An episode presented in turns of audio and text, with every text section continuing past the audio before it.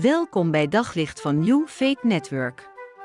Luister elke dag naar een korte overdenking met inspiratie, bemoediging en wijsheid uit de Bijbel en laat Gods woord jouw hart en gedachten verlichten. Het verhaal van Daniel in de leeuwenkuil is een heel erg bekend verhaal. In elke kinderbijbel kun je het terugvinden. Maar als we de tekst gaan lezen, dan zijn er misschien ook nog wel andere leeuwenkuilen te vinden dan de letterlijke leeuwenkuil waarin Daniel terechtkomt. Bijvoorbeeld de eerste, namelijk zijn collega's, zijn werk.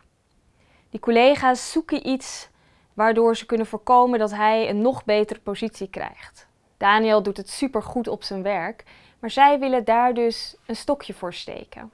Dat lezen we in Daniel 6 vanaf vers 6. Toen zeiden die mannen: Met geen mogelijkheid zullen wij deze Daniel kunnen aanklagen, tenzij we iets zoeken wat verband houdt met de wet van God. En daarop richtten de rijksbestuurders, satrapen, zich tot de koning met een dringend verzoek. En ze zeiden: Koning Darius, leef in eeuwigheid.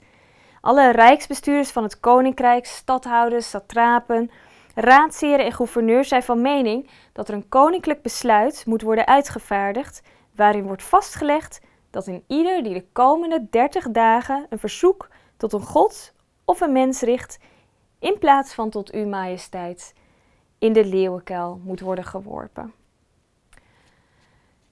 En Daniel hoort dat natuurlijk ook, dat besluit, maar hij gaat gewoon door met het bidden in zijn eigen huis. Hij doet niet eens de gordijnen dicht, hij blijft het gewoon doen zoals wat hij dat nog altijd heeft gedaan.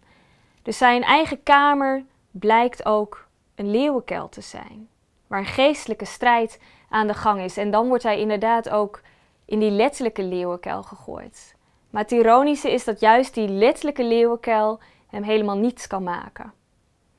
Petrus vergelijkt Satan ook met een brullende leeuw die rondgaat en zoekt wat hij kan verslinden. En dat brengt mij ook bij de vraag dat we moeten nadenken over de, eigen, de leeuwenkuilen in ons eigen leven. Zijn die er? Merken we ook geestelijke strijd juist in ons gebed. Hoe gedragen we ons op ons werk? Of merken we ook dat we daarin soms in een leeuwenkuil terechtkomen?